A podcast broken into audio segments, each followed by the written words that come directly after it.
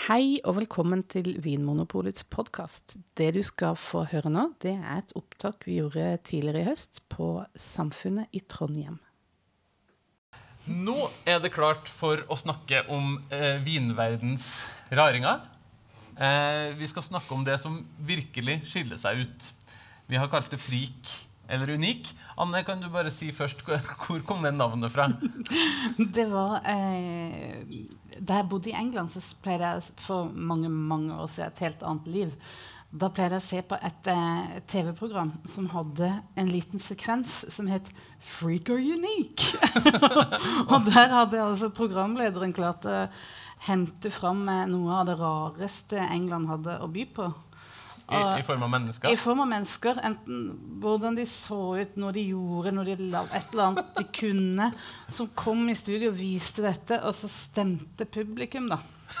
Etterpå. Freak eller unik? Og unik. Ja, og unik skulle da på en måte være litt mer sånn det, mer positivt lada. Ja. Mens freak var bare sånn Ja. gå bort din en raring. Det var bl.a. en som kunne stramme magemusklene på en måte sånn at han så helt ut som en Altså helt fotografisk ut som en elefant. jeg, jeg klarer ikke å beskrive det, det men altså Ja, men Hva er det med magemuskler? Ja, men det, Altså, det var sånn skygger og ikke skygger, så du bare plutselig så trådte det fram liksom hodet på en elefant. Ja, det var en unik. Ja, Eller freak, vil man kanskje si. Eh, men eh, det jeg tenkte jeg skulle si først, er at det er jo på en måte to måter å skille seg ut på. eller sånn Innenfor vinens verden så er det to retninger man kan gå i hvis man vil prøve noe nytt. da, Noe som man aldri har prøvd før. Og Jeg regner med at de fleste av dere som sitter i salen her, og i hvert fall vi her oppe, har jo måte prøvd vanlig hvitvin, vanlig rødvin. Vi har smakt sikkert en Riesling eller en Prosecco eller noe av det måte vanlige som fins i vinens verden. Og så finnes det jo da noen viner som ligner veldig i smak og lukt på det vi kjenner fra før, men som kommer fra et annet land, eller at drua er veldig ukjent. Sånn som hvis jeg eh, hadde fått servert en eh, Fetiasca regala fra Romania, så hadde jeg kanskje forventa at det skulle være noe rar, at det skulle være litt rar hvitvin. Men det er jo egentlig en ganske vanlig hvitvin. Det minner om Riesling og Chardonnay og de vanlige hvitvinene vi kjenner. Den bare heter noe rart. Eh, men så har vi jo den andre retninga, som er vin som er lagd på en helt annen måte. Som smaker veldig annerledes. Som skiller seg ut virkelig i glasset og når du lukter og smaker på den. Og måten den er laget på. Så det er det vi først og fremst skal snakke om i dag. ja. Ehm, ja, og eh, da uh, kan vi jo Jeg tenkte vi skulle begynne med det vi um, skrev i programmet til dagens uh, livepodkast, Anders. Nemlig 'Hva er vinens svar på tørrfisk'? Skal Ja. vi begynne der? mhm. For, for det er jo en, en vintype som de fleste nok har hørt om, men oh, ja. som skiller seg litt ut. Ja. Og da snakker vi da om vin laget på tørka druer. Fordi tørrfisk er jo da tørka fisk. Ja. Eh, og Amarone, eksempel, som sikkert mange har prøvd, den er jo laget på tørka druer. ja. Så det er eh, vinens svar på Tørrfisk. tørrfisk. Eller skal man si det må nesten bli en, en tørrfiskrett. da. Ja. Bacalao. Eh, et eller annet. ja. Eh, Amarone. Eh, noen stikkord. Hva er Amarone for noe, Anne? Det er en rødvin fra Veneto, Italia. No, liksom nord i Italia, mm. ved Venezia, Verona der oppe. Eh, som da, som Anna sier, er lagd på druer som er eh, veldig modne, og så tørka eh, inne på sånne tørkehus. Den blir lagt i noen sånne kasser, og så lagt inne på et rom hvor det er vifter som står og går. Så de tørker inn, skrumper inn og blir nesten som rosiner. Ja, Noen gjør det på den gammeldagse måten at de åpner lemmer og sånt og styrer luftstrømmen på den måten. Mm. Eh, mens andre har sånne høyteknologiske tørkerom. Der det er sånn datastyrt og alt går på luftfuktighet og nøyaktig på temperatur. Mm. Så det, ja. Mm. Ja, Og hva gjør det med vinen? da? Hvordan eh, får det vinen til å lukte og smake og oppføre seg? Mm, Ja, det handler jo om eh, konsentrasjon av smaksstoffer og eh, andre ting som du vil ha ut av drua. Så du Ja, blir kvitt vannet. Ja, Vannet fordamper, på en måte, Mm. og du sitter igjen med masse sukker og smaksstoffer i druene. Så du sitter igjen med mindre væske, ganske mye mindre væske. Derfor er det ofte dyre viner òg. Men eh, du får eh, eh, mer smak i det, rett og slett. Og Mm. mer av Det den er jo, som, det er jo rosiner, på en måte. Mm. Eh, Og vinen- og det er jo ikke så lett å Det kommer lite saft ut av en rosin. Og, og vi snakker jo ofte om at rødvin lukter og smaker av bær. Av røde bær eller mørke bær. Enten det er jordbær, bringebær, eh, kirsebær eller det er sånn krekling og bjørnebær og blåbær.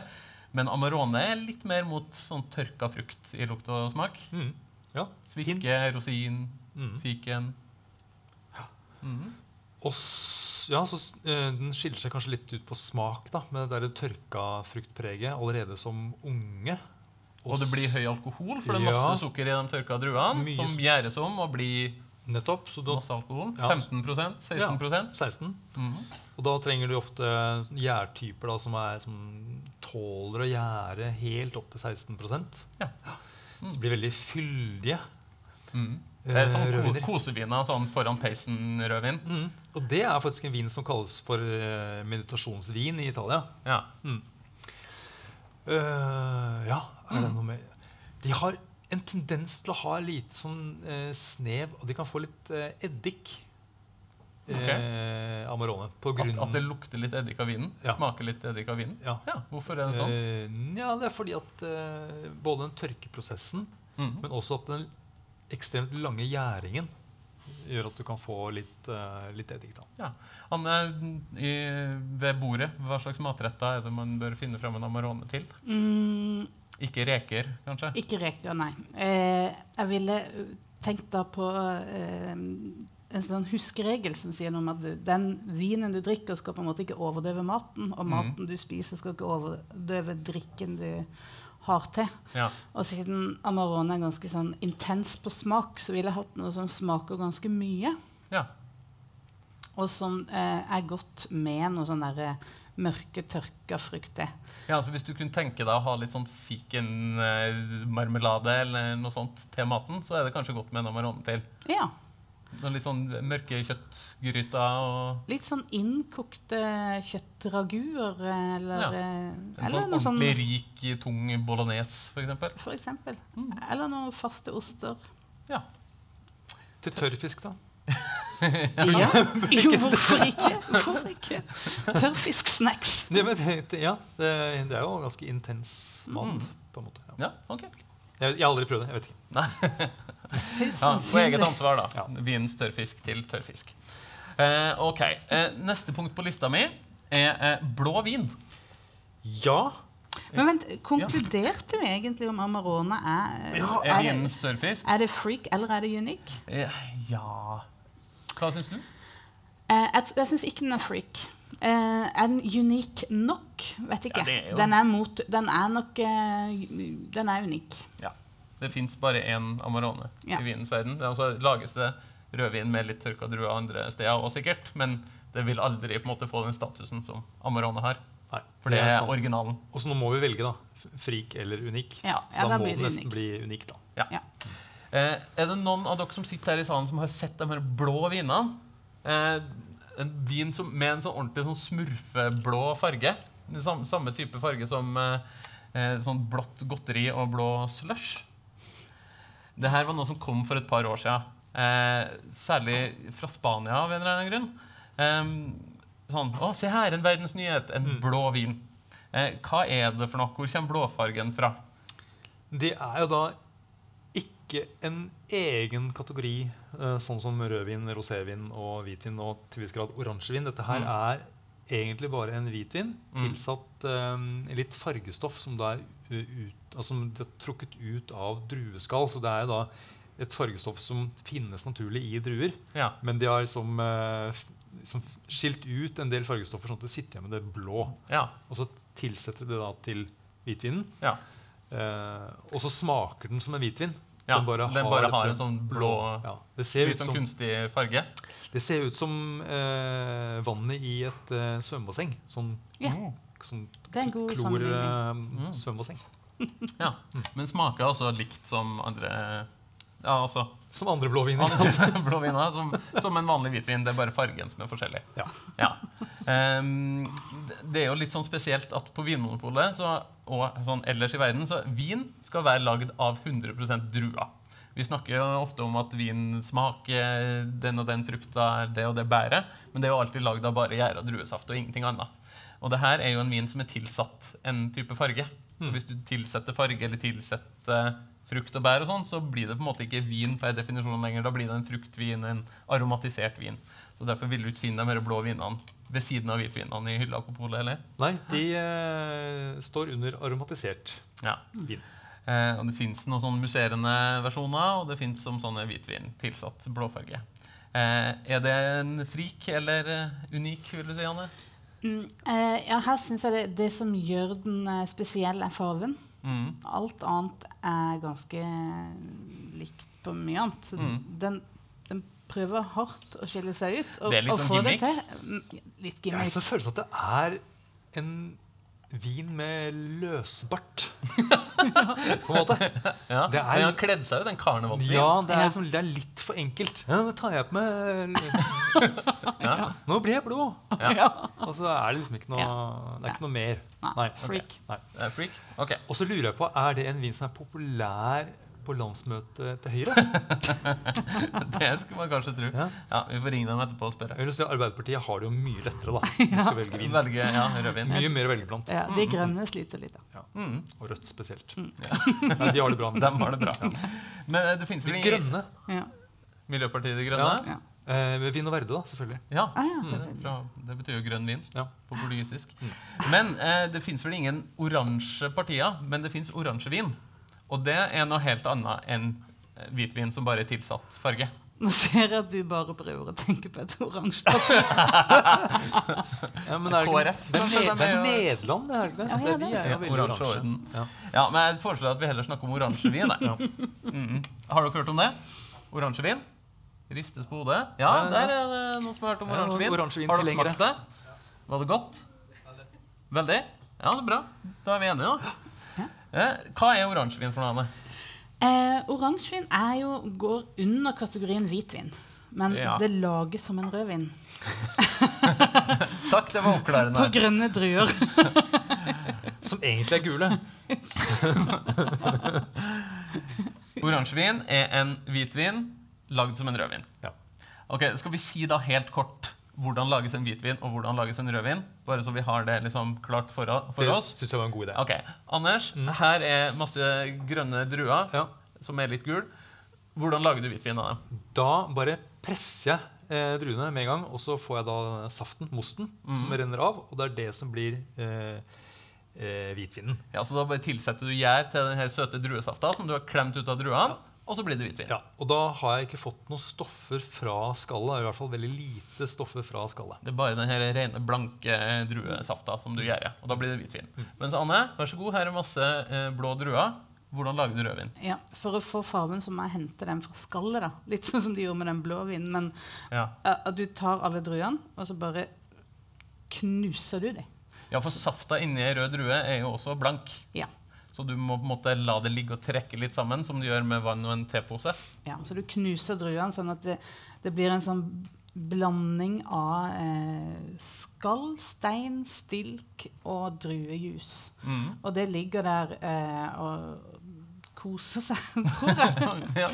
Trekker i hvert fall ut, ut både smak og farve, og så disse tanninene som vi snakker om. da. Ja, fra skallet. Mm. Og litt eh, altså tanniner fra steinene og sånn òg, men fargen sitter i skallet. Ja. Så hvis, du da tar, hvis vi tar de grønne druene dine, og så bruker vi metoden din, hvor vi eh, moser alt sammen og lar det ligge og trekke, da får vi en oransjevin. Ja.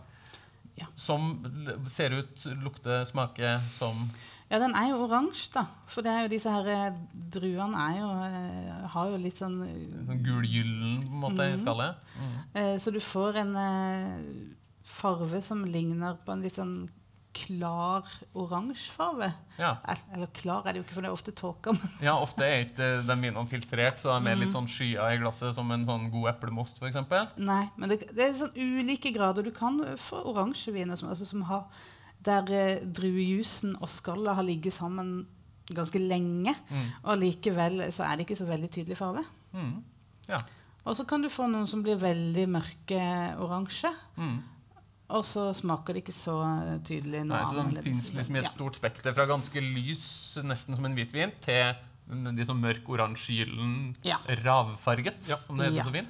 Og så kan de smake nesten som en hvitvin, eller de kan være veldig spesielle og Ja, det, Kan du beskrive liksom en sånn ordentlig oransjevin-oransjevin? Hvordan Ja, smaker sånn uh, smaker den? erkeoransjevin. Ja. Um, da vil jeg si at det lukter litt sånn som eh, Har sånn hint om nesten sånn eplesideraktig. eh, Og calvados og aprikoser, te. Sånn, sånn furunål, eh, blomst, nøtt. Kvae. Krydder, kvae. Egentlig masse spennende aromaer som jeg tenker da kommer fra skallet. Det er jo Mm. eh, egentlig helt utrolig at ikke flere lager sånn vin. Det er jo, det er jo i skallet godsakene ligger, tydeligvis. Ja. Eh, ja. Mm, men det kan være litt sånn krevende. De kan snerpe litt og kjennes litt annerledes i munnen enn en hvitvin. i hvert fall. De kan snerpe som en litt sånn hissig rødvin. Ja. Ja. Som en Synomavro, faktisk. Oi, ja. Vi var jo på restaurant i går og drakk oransjevin, til, og det funker jo til mange forskjellige typer matretter. Det er en veldig flott eh, vinstil å, å bruke til mat.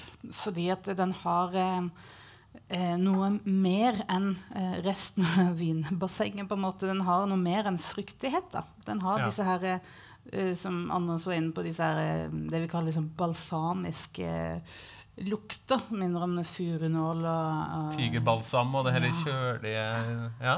Litt Og- krydder og Mhm. blomster og Så det er liksom spenn av aromaer som er ofte en sånn saftighet også, som, er, eh, som passer til veldig mye mat. mm, ja, Fisk og kjøtt og Ja. Kan du bruke det gjennom et helt måltid. Er det dyrt? Eh, ja, de koster nok litt mer enn en sånn en rimelig hvitvin. Ja. Eh, og det handler nok litt med at eh, druene må være av topp kvalitet. da. Eh, så det er kanskje litt sånn kraftigere sortering, blant annet. Og så er det at det, er ting, det, det tar litt lengre tid også, tror jeg, å lage Ja. det. Mm. Mm. Men så fra en 160-70 kroner oppover Ja. på polet? Ja, Mm. Gjerne 200 pluss. Det Bikker fort 200. Mm. Så er det Det var liksom eh, i den må jeg tenke meg om, Den østlige armhulen til uh, Italia. Det var liksom der, der de har vært liksom uh, Der har det vært mye uh, oransjevin. Uh, Ja, det Mot grensa til Slovenia, Kro Ja. Kroatia og den Ja. delen av Italia. Også Slovenia har også hatt uh, en tradisjon for det. Og så har det nå Ja. spredd seg litt ut til sånne hipstere i California, Oregon og eh, Australia Sør-Afrika. og Østerrike, og Ja det fins jo fra mange, mange. steder i verden. Mange mange etter hvert. Um, og det fins etter hvert sånne oransjevinfestivaler og sånt, hvor mm. folk danser og har på seg rare klær. Og, Men, men man må ikke verken danse eller ha på rare klær for å prøve en oransjevin. Nei. Men det er, det er jo på en måte litt frikete. Fordi det følger jo ikke noen eh, regler. Sånn, mye av spesielt europeisk vin er jo eh, veldig sånn strengt regissert inn i en sånn vinlov som Ja. følger mye. Så dette, bryter du noen av de reglene, så er det mange ting du ikke kan skrive på etiketten. og sånn. Ja, så de faller liksom litt utenfor. Det, Hvis du skal lage en hvitvin fra Burgund i Frankrike, eksempel, så må du bruke drua chardonnay, og den skal lages på den og den måten. Og hvis du lager en oransjevin, så ramler den liksom utafor Mm. det gode selskap. Ja, og så er det en utfordring hvis eh, noen eh, kjøper en flaske med noe de tror er en helt streit hvitvin, Ja.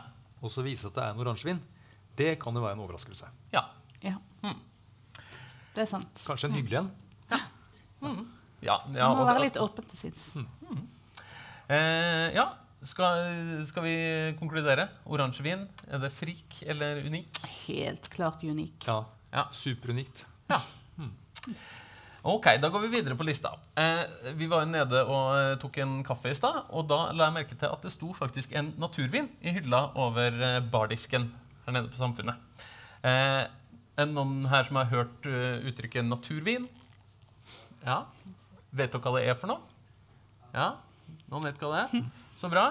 Eh, Anders, la oss si igjen at du står fast i heisen med noen som ikke kan noe om vin. Hvordan vil du forklare dem hva en naturvin er? En naturvin er eh, en vin som er laget med minst mulig menneskelig innblanding.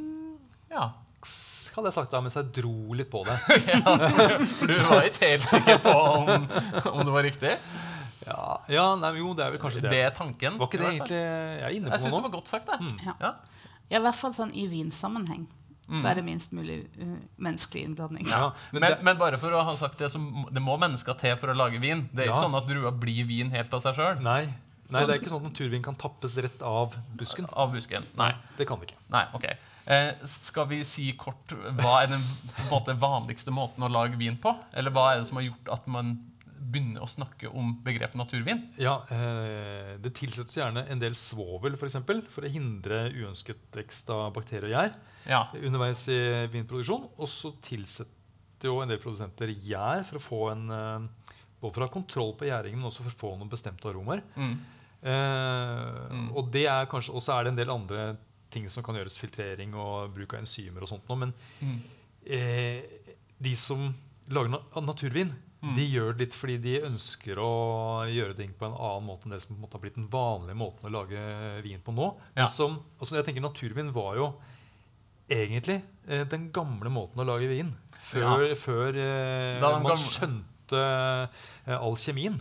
Ja, så den på en måte, i hvert fall de gamle romerne og grekerne, Ja. og til langt ut på 1800-1900-tallet, ah, ja. så var all vin i verden naturvin. Eller det vi i dag kaller naturvin. Ja, Naturvinmakere, alle sammen. Mm. Men så kom på en måte den industrielle revolusjonen, og man begynte å produsere mat eh, som skulle distribueres utover i verden, og man var kanskje nødt til å, til å tilsette noen slags sånn konserveringsmidler eller behandle maten, pasteurisere melka og sånn, sånn at den ikke skulle bli dårlig når man sendte den ifra seg.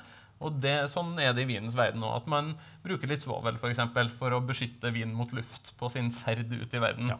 Eh, det, som man gjør med spekemat og tørka frukt og veldig mange andre matvarer òg. Kjøttpålegg. og- Kjøttpålegg og det er mye som inneholder svovel. Men naturvin, da skal man først og fremst presse druene, gjære druesafta, og så gjøre minst mulig. Ja. egentlig. Det er tanken. Og så er det da litt sånn kontrovers da i, i eh, naturvinmiljøene. Mm. Det fins en del organisasjoner etter hvert som holder på med naturvin.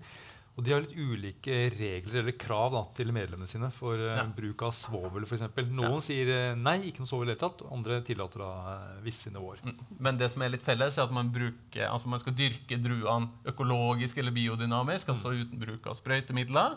Man skal ikke tilsette en sånn kjøpt ferdig gjærpakke, men det skal begynne å gjære av seg sjøl med den naturlige gjæra som fins på druene eller i vinkjelleren. Og så minst mulig filtrering og svovel og sånne ting. Ja. Eh, smaker naturvin rart? Eh, det kan gjøre det. Det kan være litt eh, annerledes eh, noen ganger. Og det kan smake som helt, altså helt vanlig rødvin eller hvitvin. Eller, Ja.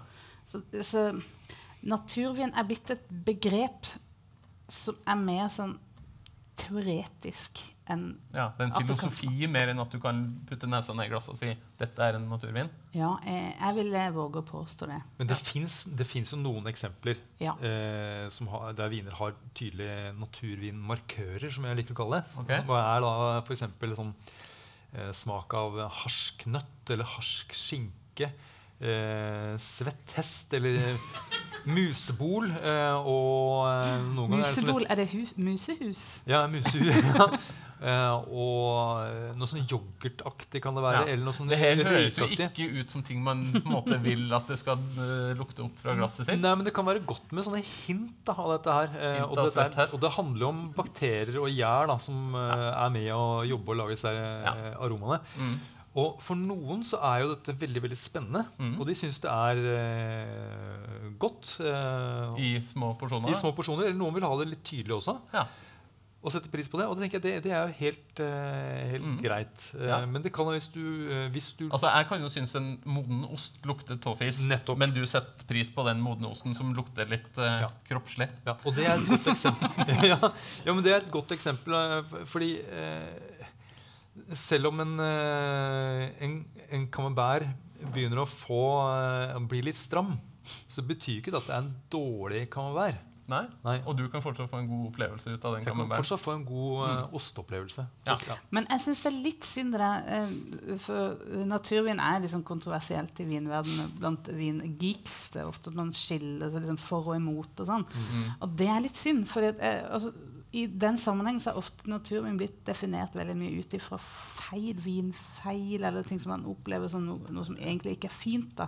At alt det her er kroppslige og eh, musebolaktige som Ja. Anders snakker om, har på en måte definert den kategorien. Ja, At det er det, det som er naturvin. Men det er jo egentlig Og så er det kanskje mer sånn at det har skjedd for noen viner, så har de blitt ødelagt fordi man ikke har jobba hygienisk nok, eller, eller at noen ikke ikke setter pris på de små hintene som kan gjøre vinen spennende.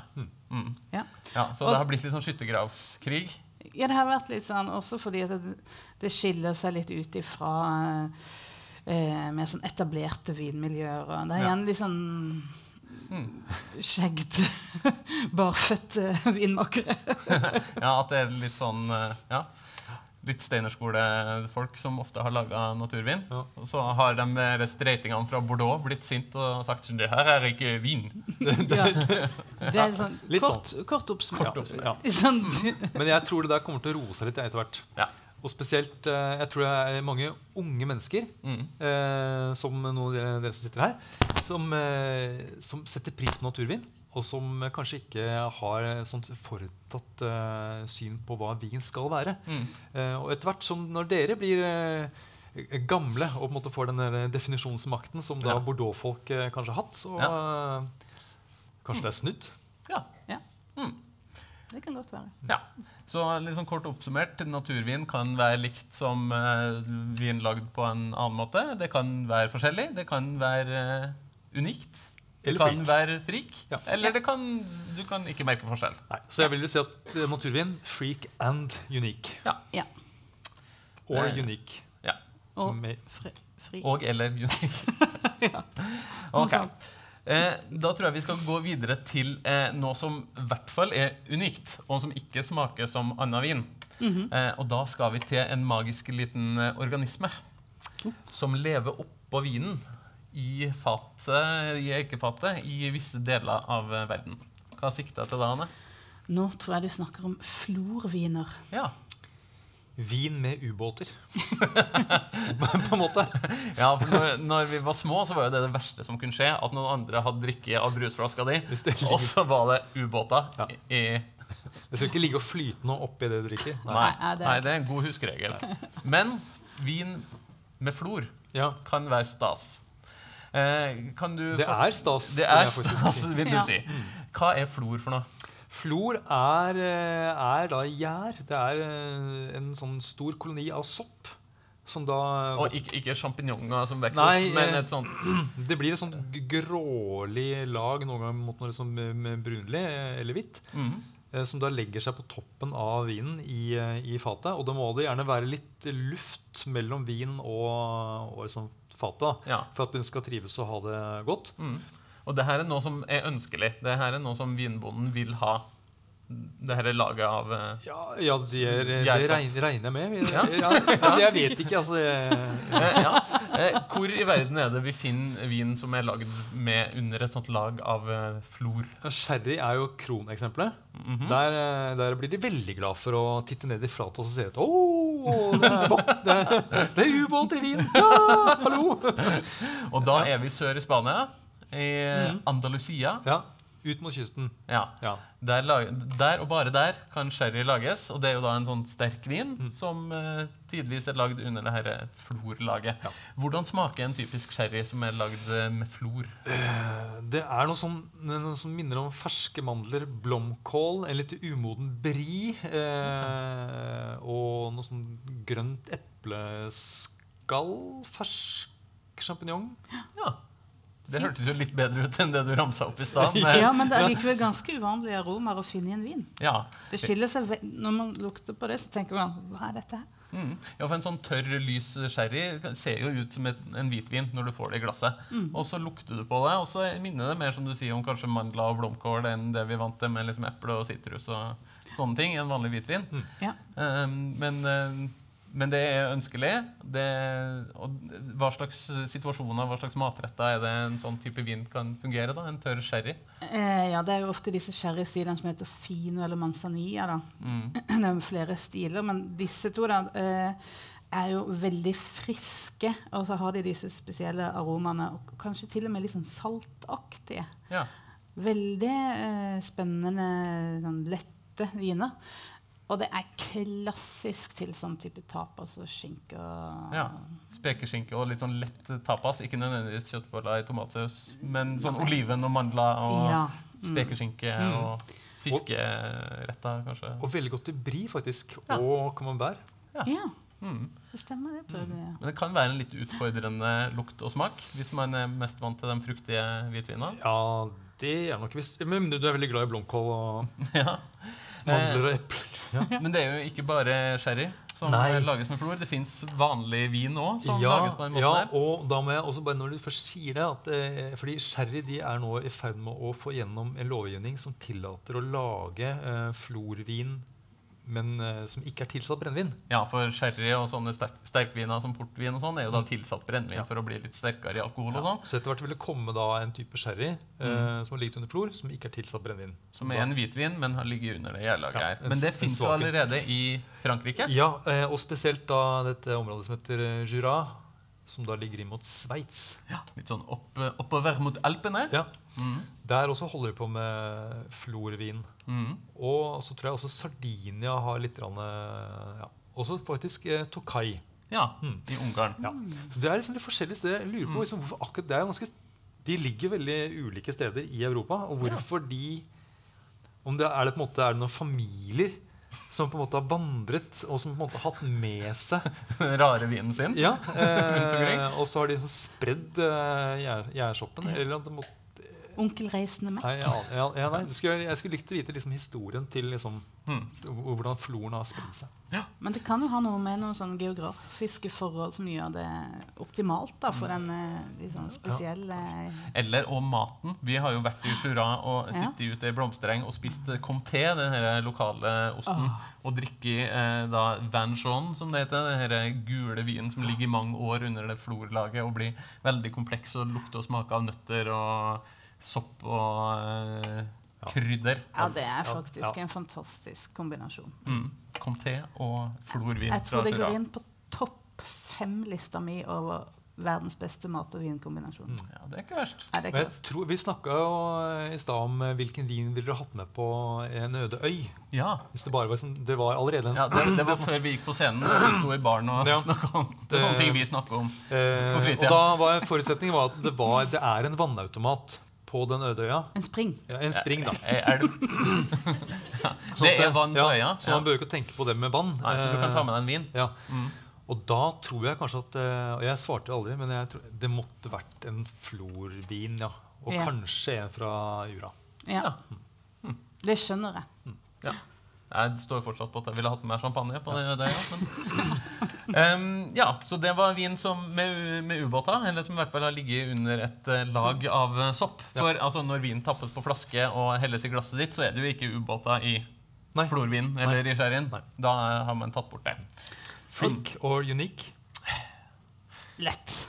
Ja vel? Men si det så så du først, da. Unik. Helt klart unik. Ja. Ja. Enig. Ja, Men også, det er litt frikete òg. Det er litt Det er såpass uh, annerledes enn vanlig hvitvin at det er litt sånn frikete òg. Ja, og det er det som er litt kult, syns jeg. At det er noe som bare er sånn Det, det kunne ikke vært noe annet. Nei. Det liker jeg, da. Men det er jo kanskje, det er jo kanskje frik, det. Nei, mm, nei unik. Yes. Men så, nå har vi Ja. snakka om eh, vin eh, som har vært med ubåter under et lag av sopp, og vi har vært innom alle mulige slags rare dyr.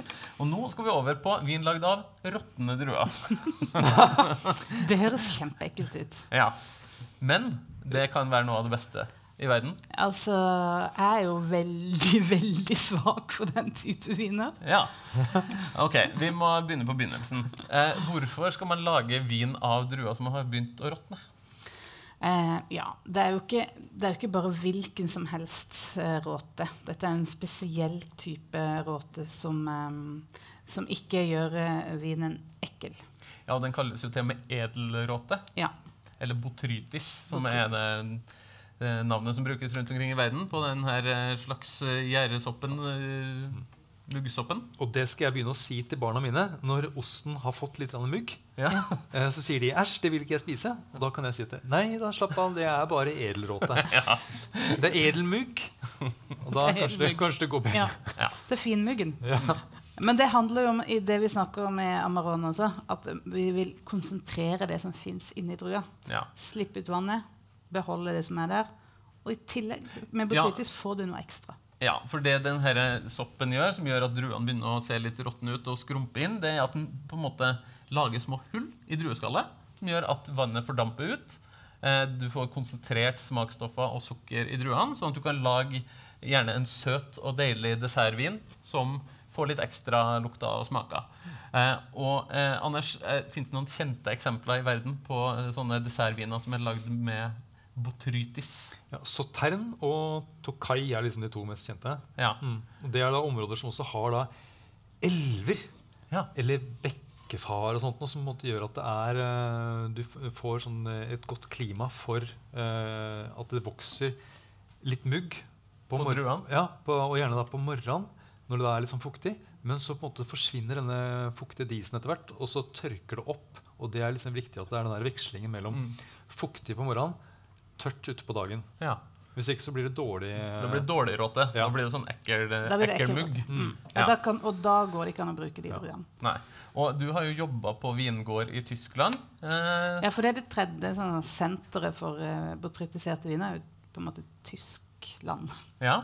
Eh, og da gikk du rundt i vinmarka og plukka druer som var sånn innskrumpa og se, begynner å se litt råtne ut. Og det er jeg er veldig glad for at jeg fikk oppleve det, fordi det, da skjønner jeg virkelig hvor mye arbeid som ligger bak. Mm. Fordi at eh, Tidligere så hadde selve liksom, innhøstninga vært der du plukker alle druene som skal lage, vis, lages hvitviner. Mm. Og da går det liksom 20 mann på rekke og plukker bare sånn bøttevis med druer. Ja. Men når du skulle eh, plukke inn til disse eh, Trockenbæren Auslese var den vinen vi lagde, da. Som Ja. sånn veldig sånn Veldig konsentrert. eh, kjempesøt dessertvin. Ja, da gikk vi to stykker gjennom liksom, en hel vinmark og plukka kanskje en bøtte. Ja. Så du får bare bitte litt. Og av de så er det jo veldig tørre druer, så du må liksom kverne det opp før du får pressa det. Får lite væske ut av dem. Det er jo nesten ingenting, så det er jo Men hvorfor gidder man å gå gjennom all det her arbeidet og få så lite eh, vin ut av det? Hva er det som er så spesielt med sånne viner, Anders? Hvordan lukter de? Hvordan smaker de? De, eh, de lukter jo ikke mugg, men, men de har et sånt preg av safran, marsipan, nesten litt sånn røykaktig, syns jeg. Aprikos, øh, ferske kantareller. Honning. Honning, ja. Honning. Mm. Mm. Ja. Så det her er ganske sånne komplekse, sammensatte, litt krydra dessertviner, på en måte. Ja. Ja. Hva passer det til av mat? Og, altså, ha, hvis man virkelig har en sånn flott botrytisvin, Mm. da vil jeg nesten bare sitte og smatte på det. og kjenne på følelsen helt ut i fingrene. En, en dessert i seg sjøl? Ja, det, Mm. det, det syns jeg den fortjener full oppmerksomhet. Men uh, det er jo ikke helt feil med en liten, liten eplekake, kanskje. Ja, siden av, Eller en, uh, Liten blåmuggost? Kanskje en liten blåmuggost, da. Litt sånn en aldri så liten Så du får den her eh, Smash-effekten med den salte osten og den søte vinen. og- Ok, den går også inn på topp Ja, fem-lista. og apropos det med Smash-effekt. Ja. Eh, sautern og ostepop. Mm. Helt nydelig. Ja. Studenttips der. ja. Sautern koster jo litt, men uh, ostepopen er billig. Ja, men, og da, men der må jeg bare si at uh, med tanke på hvor mye arbeid som ligger bak, så er jo sautern og disse edelsøte vinene egentlig ganske rimelig. Ja. Ja. Eh, og så fins det jo eh, en sånn ekstrem, ekstrem, ekstrem versjon.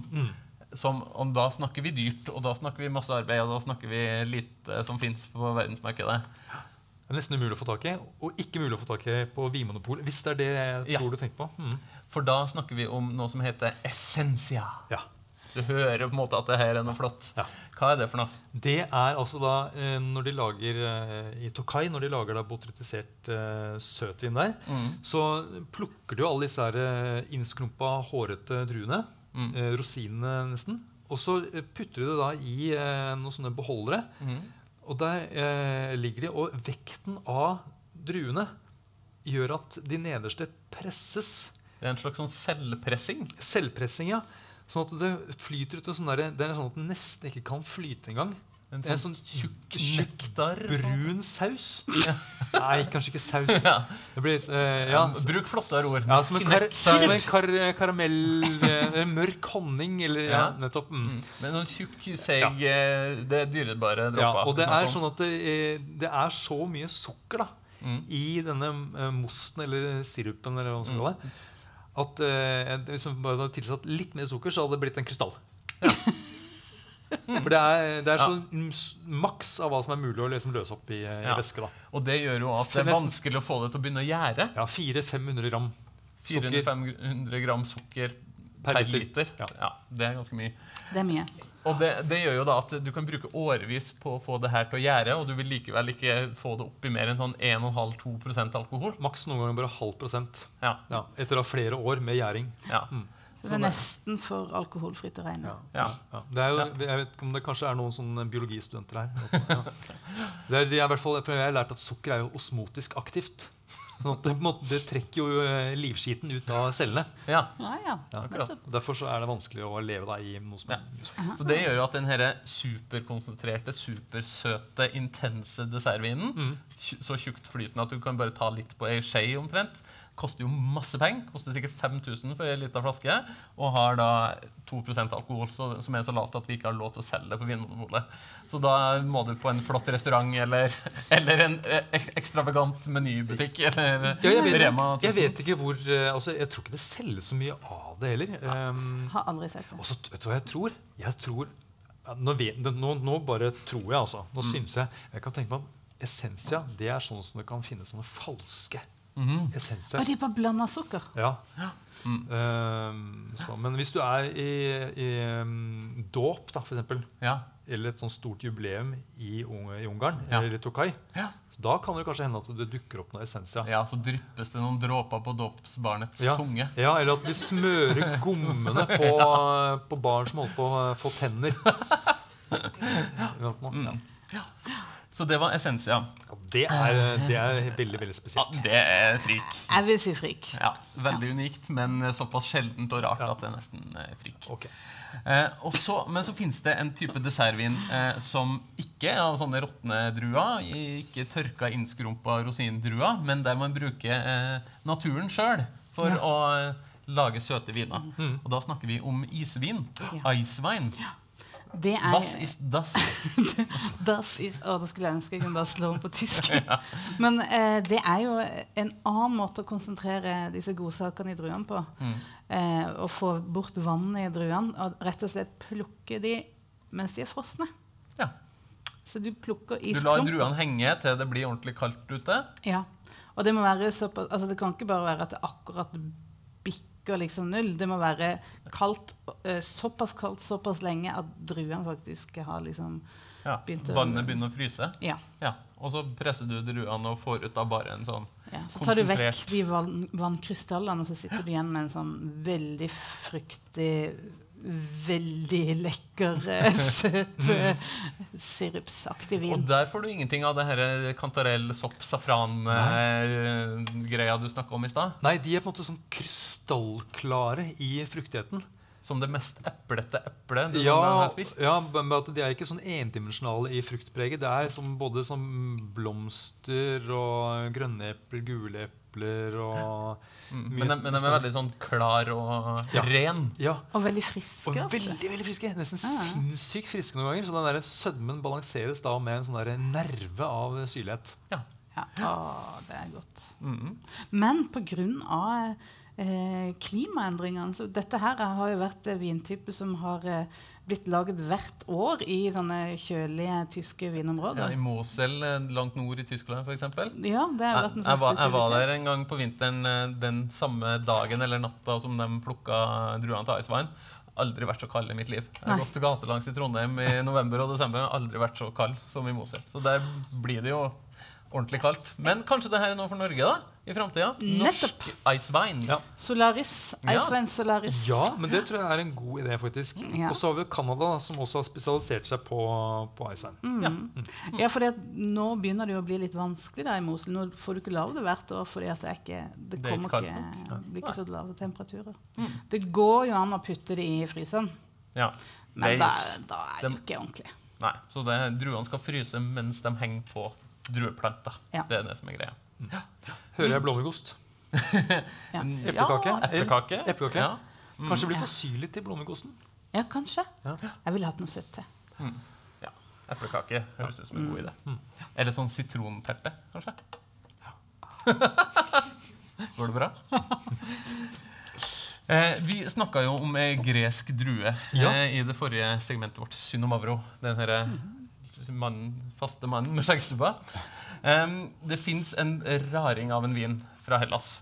For der Synomavro minner om andre rødviner, så fins det en uh, vin fra Hellas som ikke minner om noe annet. Ja, og det er jo uh, den mest erkegreske vinen for mange. Ja. Hvis, jeg hvis du spør noen si navnet på en gresk vin, Mm. så ville jo antageligvis sagt Retsina. ja, I hvert fall hvis du spør noen som har vært på charterferie i Hellas på 80- og 90-tallet. Da, det, da har du ikke klart å unngå Retsina. Men hva mener du? Mener du at det er Nei, jeg bare, Nei, jeg bare mener at eh, det, der fikk man jo servert Retsina i det vide og det brede. Ja, på for jeg er, ikke så, jeg er ikke så gammel. Nei, Nei. 20, 20 i huet. Altså. 20 i huet. Dere har hørt om Retsina? Nei. Nei. Men det, igjen så er det de eh, med oransjevinene som Du begynner å bli grå i Ja, ryggen. Ja. Hva er retina for noe? Retsina er en, eh, en gammel måte å lage eh, hvitvin uh, i Hellas. Mm -hmm. For, i, i, for uh, 3000 år siden i Hellas, uh, 2700 år kanskje mer eksakt, så eh, hadde jo amforaer sånne store leirbeholdere. Ja, sånne, sånn Asterix og Obelix eh, Nettopp. går rundt og drikker vin Ja. Sånne ja. store leirkrukker med sånn hanker på sida. De hadde ikke eikefat, eh, de hadde disse leiramforaene. Og de, men de eh, oksygenet hadde lett for å komme inn i den amforaen og ødelegge vinen. Så derfor så forseglet de både korken, og også innsiden av amforaen Mm. med harpiks fra en sånn type furu. Altså kvae, rett og slett, Ja. fra et furutre. Nettopp. Mhm. Eh, og det var jo da for å beskytte vinen i utgangspunktet. Eh, men så satt det også smak på, på vinen. Du, du fikk litt sånn eh, kvasmak, litt sånn preg av eh, grønn dent. på en måte. ja. Ja. En hvitvin som smaker furunål. Ja. Så det ble jo da en, eh, en gresk spesialitet. Og så eh, kom romerne. Mm. Og de eh, fant også opp da eikefat, så da var det ikke nødvendig med sånne harpiks-amforaer lenger. Mm. Så eh, romerne de likte aldri eh, Retzina noe særlig. Nei, de ville ha en liksom vanlig vin. Ja. Mm. Så det var en litt sånn der eh, motsetning da mellom romerne og grekerne. Og grekerne tilsatte da mer eh, kvae i vinene sine, sånn at ikke romerne skulle komme og drikke, drikke opp vinen. Um, Ja, det var lurt. ja, og det er faktisk også eh, Jeg, er ikke, jeg har ikke sjekka kildene veldig godt, men det- visstnok så er eh, altså da um, Har det vært både eh, norsk eh, var det Sigurd? Eh, Sigurd, ja. Kong Sigurd eh, fra Norge. Mhm. Han døde visstnok av Retsina. ja, Drakk seg i hjel. ja eh, så det er kanskje en av de første dokumenterte nordmennene som har hatt problemer med alkohol i, i Hellas. I Syden. Ja, for noen tusen år siden. Ja. Eller Ja. et par tusen år siden. Charter-Sigurd. Men siden dette her har måten, da, en lang og flott historie da, med Ja. å Sina, så Ja. har, eh, har da grekerne de har fått da dispensasjon i EU til å lage da eh, hvitvin på denne måten. Ja. Tilsette harpiks. For nå, denne gangen, nå bruker de ikke amfora lenger. Nå lager du hvitvin på vanlig måte, men de tilsetter harpiks underveis i gjæringen. Mm. Ja. eh, for å liksom gi den samme smaken. Ja. Eh, men det er da godkjent i EU, selv om det der på en måte er å aromatisere vinen. da. ja. Ja. Har du smakt Retzina, Anne? Vet du hva, det er så mange år siden at jeg kan bare ha et vagt minne av at det var noe rart. Så du har ikke Retzina med på lista di over de beste matkombinasjonene i verden? Nei. nei. Det er liksom litt glemt og litt uglesett, på en måte, men jeg, jeg tror at Retzinaen vil komme tilbake. Eh, Jeg tror at Noe av problemet med Retzinaen på 80-tallet for var at hvitvinen i utgangspunktet var sånn av middels kvalitet. Mm. Men uh, nå har det jo skjedd mye med gresk vinindustri, og jeg tror jo at uh, etter hvert så vil liksom Retzinaen også bli tatt mer på alvor. Og, ja. Det, skal bli, det skal bli spennende å følge med på. Spennende. Akkurat nå litt frik, men kan bli mer unik og respektert i, i framtida. Ja. Og så, Nå er vi snart ferdig med vårt lille raring-segment, men det siste vi skal snakke om, er jo litt sånn trendvinen i verden i dag, føler jeg. Det er, det er noe som eh, er, fins på Vinmonopolet, men som de kuleste vinbarene i Paris, London, New York Og, og Trondheim. og Trondheim har petnat. Ja. Hva er det for noe? Eh, det er en eh, forkortelse. Fransk forkortelse. Det står for petiant naturel. Ja. Altså naturlige bobler. Naturlig sprudlende. Naturlig musserende vin. Ja. Eh, og hva er det som er så naturlig med det her, som eh, ikke er naturlig med underforstått av Prosecco og champagne? Eller hvordan skiller den seg fra andre musserende viner?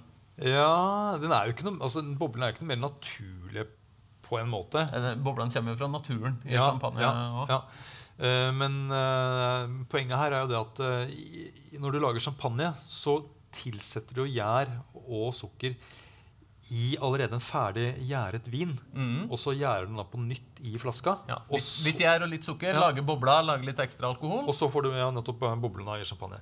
Mm. Mens i en petnat så eh, lager den vi starter med å lage en, en vin. Mm. Eh, den begynner å gjære. Men eh, før den har liksom, før gjæren har gjæret opp alt sukkeret, så Mm, før denne vinen er ferdig, på en måte. Før vinen er helt ferdig, så tappes den på flaske. Mm. Og da eh, fortsetter jern å jobbe eh, inni flaska. Ja. Og da kommer ikke eh, CO2-en ut lenger. Nei, for du setter en sånn bruskork på Nettopp. toppen. Og da, så da får du jo en, en boblende vin. Mhm. Men eh, du slipper å på en måte gjøre prosessen på nytt, da, som du på en måte gjør da i champagne. Ja. Men du får da mindre, eller færre bobler. Ja, så det blir mer sånn perlende enn veldig musserende vin. Ofte, i hvert fall. Og så kan du få litt sånn bunnfall i flaska. At de her døde gjærcellene legger seg ned på bunnen, eller at de fordeler seg utover i vinen, sånn at den blir litt sånn grumsete og ugjennomsiktig. Ja. Ja. Men eh, den smaker litt forskjellig fra champagne, prosecco, som regel. Mm, ja, den kan smake litt uh, annerledes. Den kan ha litt sånn, Du kan nesten at du kan lukte litt av det der gjærpreget. At du kan ha eh, litt sånn det der eplesiderpreget. Litt sånn vill og gæren. Ja, litt. Men det behøver ikke være så veldig spesielt, altså. Nei, for det er smakt noen som er bare sånn veldig fruktig og lukter bær, og, bær eller sitrus. Mm. Noen kan være litt oransje i fargen og ha litt snerp. Andre kan være lys rosa eller rød. eller Det fins masse forskjellige farger og Men de blir varianter. ofte litt uklare. Ja, vi så jo en i dag i bankkvartalet som så ut som det var en liten trøffel nederst. Ja, det var litt sånn gjærrester i Ja. den flaska. Eh, men noen lik, liker jo det å ha på en måte få den der skia Jeg syns det er litt godt. At, eh, at det gir liksom litt mer substans i vinen. på en måte. Ja, Eh, Jeg er enig. Akkurat som at jeg liker sånn uh, uklar eplemost bedre enn den her Mozell-eplemosten. Eller som er sånn helt klar. sånn solo med fruktkjøtt eller, eh, eller Fins det? Nei, men Appelsinius med Appelsinius med fruktkjøtt, ja. uh, ja, det er litt det samme greiene. Og eh, altså, uh, Prosecco, som eh, sikkert eh, altså De fleste vet jo hva det er for noe. Mm. Men det, det fins jo en Prosecco-variant da, Av petnat. eh, Ja. som, som, eh, som er laget etter petnat-metoden, Mm. som kalles colfondo. Ja. Ja, og, og i Prosecco-området i Italia så har de et eget ord for det å drikke vin som er sånn skyet. da, Hvor du på en måte rister på flaska. sånn Blande inn ja. ja, sånn Og det kalles for sporco. ja. Sparko. Sparco! Du er litt sporco. Ja, sporco. Ja, Ja, for det er det jo mange som ikke er, klar over at Prosecco er jo laget på en helt annen metode igjen, som er bare at du rett og slett omtrent tilsetter eh, boblene mekanisk. Ja, du lager vin i en sånn tank, og så oppstår boblene der, og så tapper du vinen på flaske under trykk. Mm. Ja. Men det, altså, poenget med petnat er at det skal være litt sånn uformelt og lekent, og noen menn mer naturlig enn de her eh, mer tradisjonelt produserte musserende vinene. Så en sånn eh, litt sånn rebelsk, ungdommelig musserende vin. Ja. Ofte med en sånn ølaktig etikett. ja, litt sånn stilige designa etiketter og bruskork på toppen. Ja. Og blank flaske for å vise fram eh, den fine fargen og grumset inni. Ja. Eh, petnat, frik eller unik? Unik. Unik? Unik. Ja. Yes, Da har vi vært gjennom en lang rekke raringer. En slags ungdomsskole av, eh, av eh, vin. Der eh, det fins en del streitinger, og det fins vel så mange flotte raringer som vi setter pris på. Da skal vi ta en liten pause igjen, og når vi kommer tilbake, så gleder vi oss til å kaste oss over spørsmålene som dere har lagt i kassa.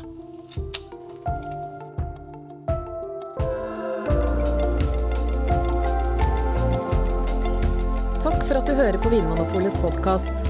Har du forslag til et tema i podkasten? Send mail til podkast at vinmonopolet.no. I tillegg svarer kundesenteret deg på e-post, chat og telefon.